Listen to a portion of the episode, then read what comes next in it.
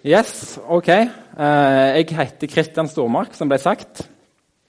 Eh, siden det første gang jeg skal tale, så opplever jeg at det blir rett å si noen få ord om meg sjøl før jeg starter. Eh, jeg er 37 år. Jeg er gift med Karete. Sitter ved veggen der borte. Vi har tre barn som også sitter der. Jeg jobber som geofysiker. Jeg er veldig opptatt av sannhet. Og hovedinteressene mine er vel fysikk, bibel og programmering. Så ganske nerd, kan du si. Og eh, Siden det er første gang jeg taler, så ønsker jeg å poengtere at jeg ikke er en særlig from person. Og Det sier jeg ikke bare for å virke from, men for å være ærlig. Eh, jeg kjenner ofte lysten til noe i mitt hjerte, og mange ganger gjør jeg ting som ikke er rett. Men Jesus har grepet min hånd. Han har frelst meg. Det er mitt håp og min tro. Men jeg ønsker likevel å poengtere dette før jeg starter, at jeg ikke er prektig og ren. Og på mange måter er vel det en stor selvfølgelighet. For sånn sier jo Bibelen at alle mennesker står i møte med Gud om de skulle stå der uten Jesus. Men like fullt vil jeg bekjenne det for dere og Gud nå at jeg står ikke her i dag i prakt. Det er vel relativt lett å se òg. Og heller ikke visdom. Men jeg står her i dag for å dele noe fra Guds ord og for å være med i bekjennelsen av Jesus som Herre ved Guds nåde. Og Det var et ord som jeg og Karette fikk når vi flytta her fra Trondheim. At Gud skulle bruke oss ved sin nåde. Og Det ordet har jeg tatt til meg, og det holder jeg fast ved.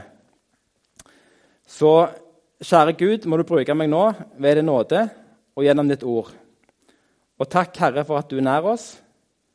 Må du røre med oss hver enkelt, og må du virke blant oss med din mektige ånd. Amen. Ok, Utgangspunktet for denne talen er teksten om den blindfødte, som Max leste. Eh, det er flere elementer som kunne vært trukket fram. Jeg har valgt fire punkter som jeg ønsker å fokusere på. Og Det er nummer én spørsmålet om synd versus sykdom. Nummer to hvorfor helbreder Jesus han, mannen på den måten han gjør. Nummer tre Jesus er herre. Alt er han underlagt. Og nummer fire og i dag er Herren nær oss med sin kraft.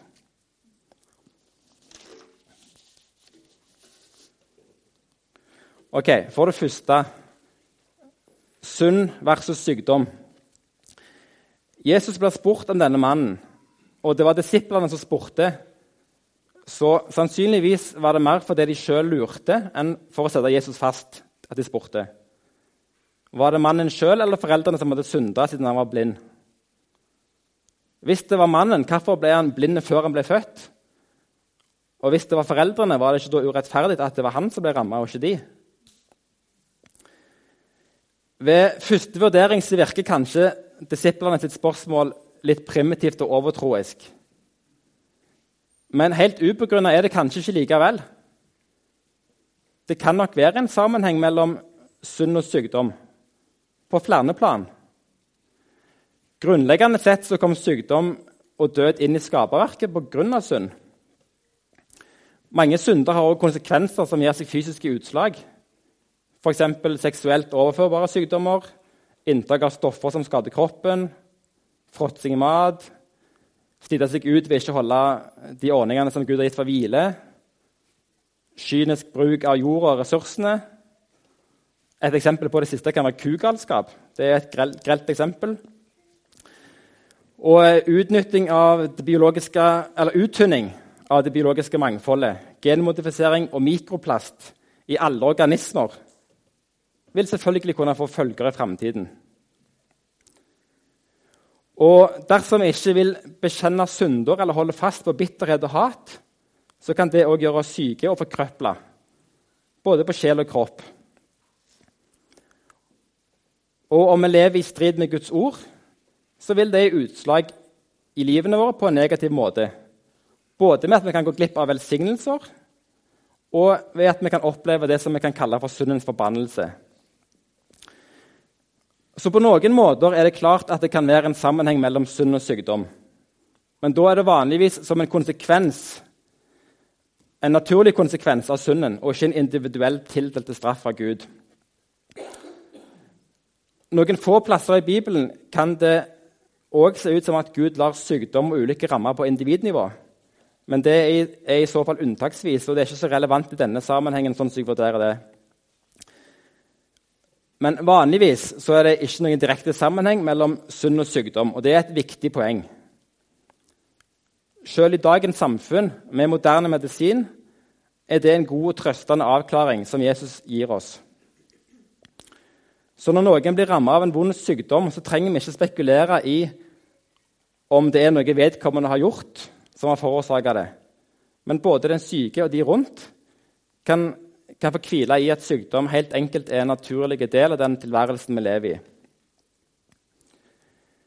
Det er òg plasser i Bibelen hvor spørsmålet om synd og ulykke blir tatt opp, og hvor Jesus avkrefter at det er noen direkte sammenheng mellom hvem som ble ramma, og hvor mye eller lite synd de hadde gjort.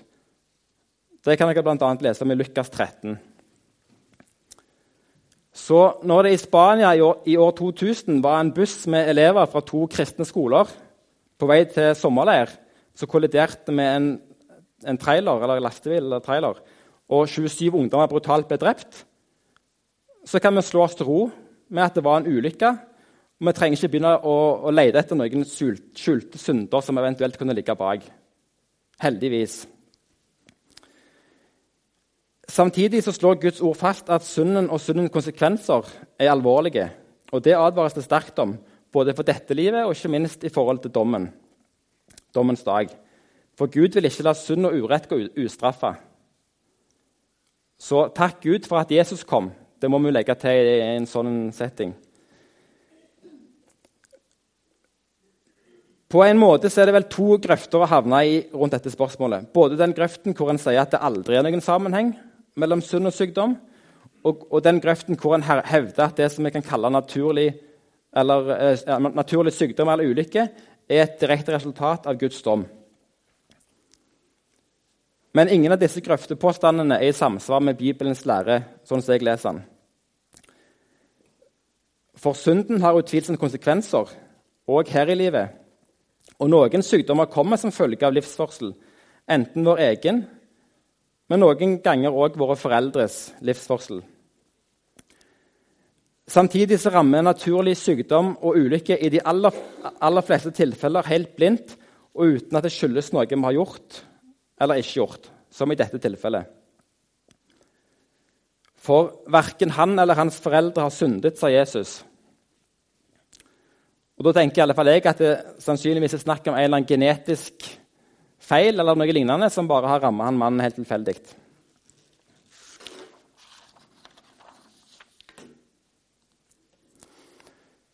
For det andre hvorfor helbreder Jesus, den, eh, hvorfor helbreder Jesus mannen på den måten han gjør?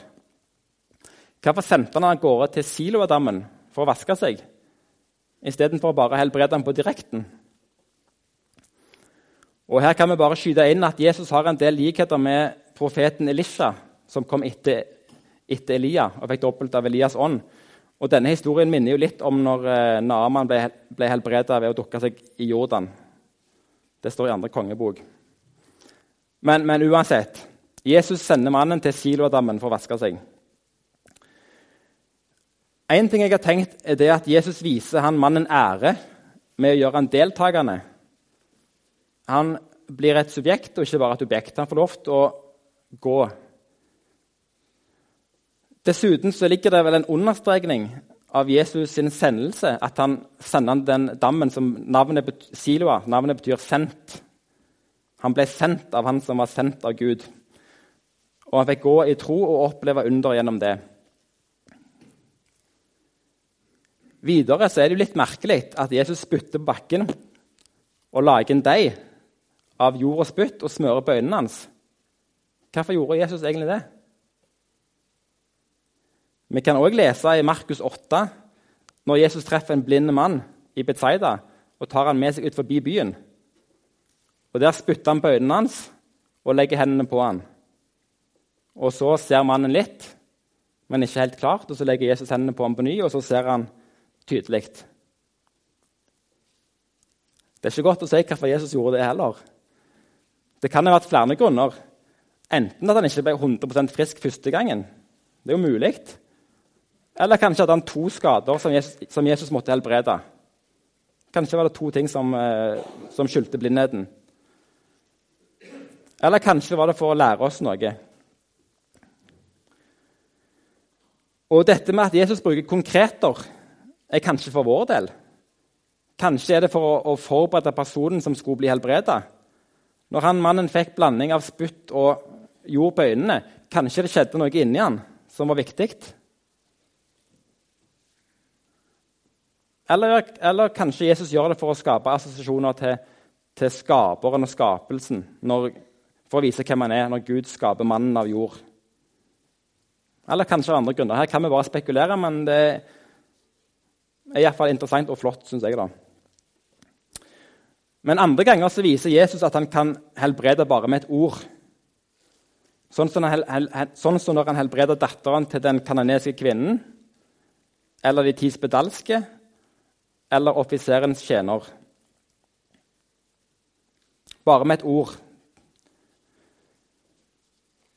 Og Det er jo for så vidt òg assosiasjoner til skapelsen og den suverene skaperen som, som eh, taler.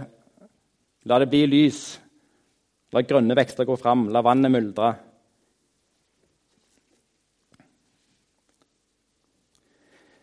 Og så kan vi jo bare lure på hva som fysisk skjedde med øyet til han som ble helbreda. Det er ikke godt å si. Vi vet ikke engang hva han feilte egentlig. Men,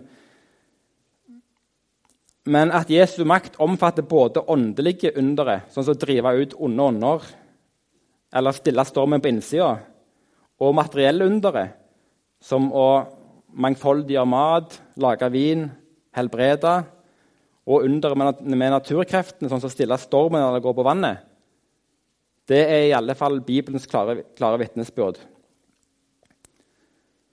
Og så vil jeg bare skyte inn her at eh, egentlig så skal vi være ganske glad for at vi har en kropp. Jeg er veldig glad for min kropp, selv om det ikke er alt som er sånn som jeg ville gjerne hatt det. da. Skulle gjerne passet bedre på han, hatt mer hår osv. Men likevel, det er godt å være menneske. Så det skal vi være takknemlige for. Takk for den kroppen du har fått. Og så er det heller ikke så dumt slagord som Frelsesarmeen har. Soup, soap and salvation. Suppe, såpe og frelse. For at frelsen gjelder hele mennesket.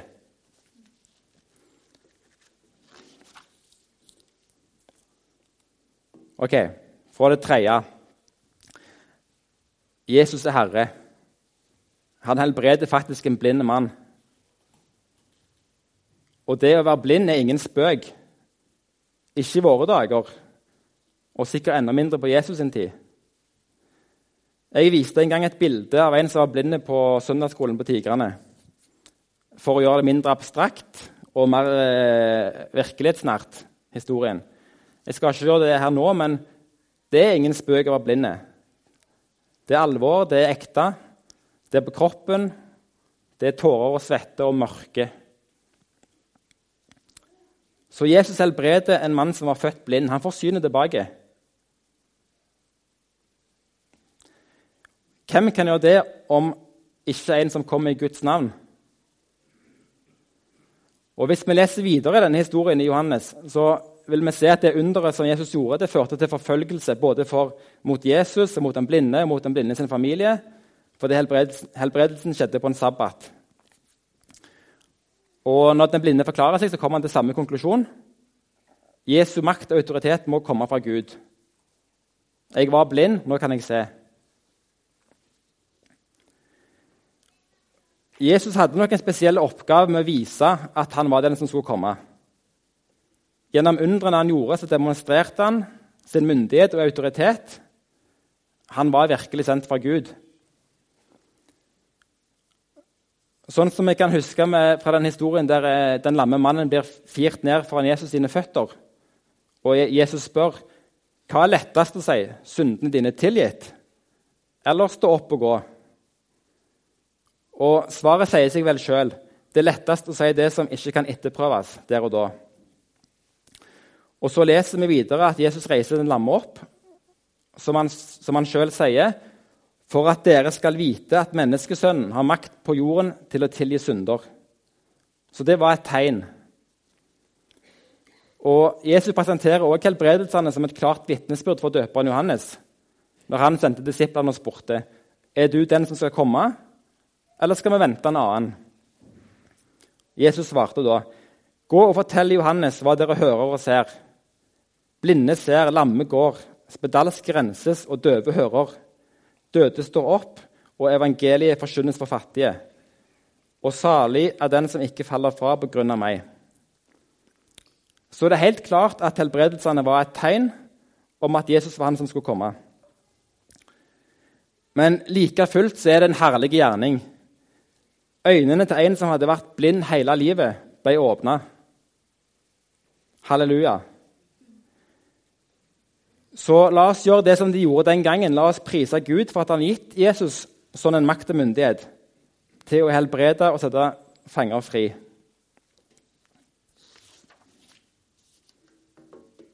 For det fjerde Og i dag så er Guds herlighet og kraft nær. Gud er mektig til å frelse, og Herren er nær. Det er sant. Det vet vi som tror. Men vi vet òg at det er ikke alltid vi får bønnesvar. I alle fall ikke midlertidige og umiddelbare bønnesvar. Sjøl har vi vært med å be om helbredelse for mange syke som likevel har dødd. Ofte av kreft eller andre alvorlige sykdommer. Det er fælt. Akkurat nå så har kona mi Karete hun har eh, ganske vonde problemer med halsen, som gjør at hun ikke har kunnet brukt stemmen skikkelig på flere måneder. Vær gjerne med og be om at hun skal bli frisk. Det gjør vi. Men Gud er mektig om han griper inn på overnaturlig vis, men òg hvis han ikke gjør det. Og Jeg tror ikke det er gitt oss å forstå hvorfor Gud noen ganger griper inn og andre ganger ikke. Det er ikke Guds vilje, alt som skjer. Langt ifra. Men uansett kan Gud bruke alt til det gode og det onde uten at det gjør det vonde til noe godt i seg sjøl.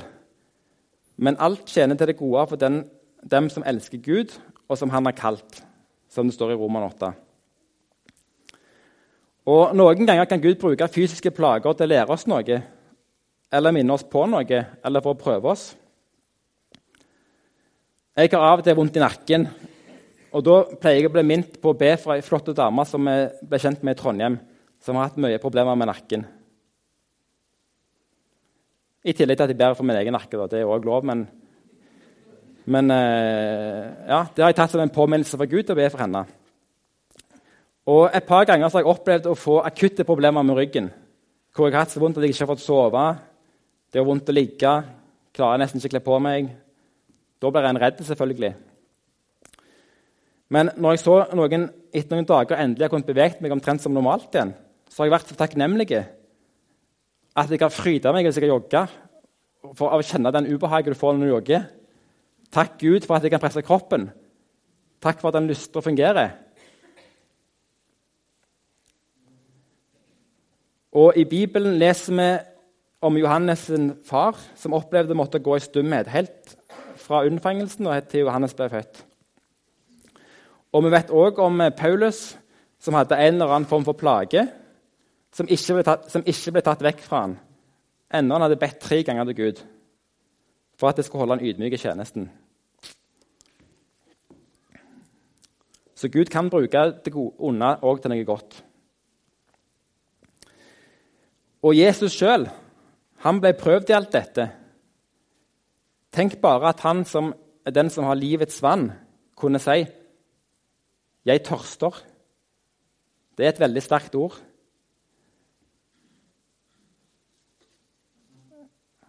Ja, jeg kunne tatt en digresjon, men jeg skal ikke gjøre. Det var min onkel som hadde problemer med nyrene. Han hadde veldig sterkt det. Jesus sa 'jeg tørster', for han visste selv hvordan det var å tørste. Men det er et sterkt ord, var poenget. Og en, en god taler kunne sikkert prekt en hel eh, tale over det ordet. At han som er livets herre sier 'jeg tørster'. Sannelig, våre sykdommer tok han på seg, og våre smerter bar han. Vi trodde han var blitt rammet, slått av Gud og plaget.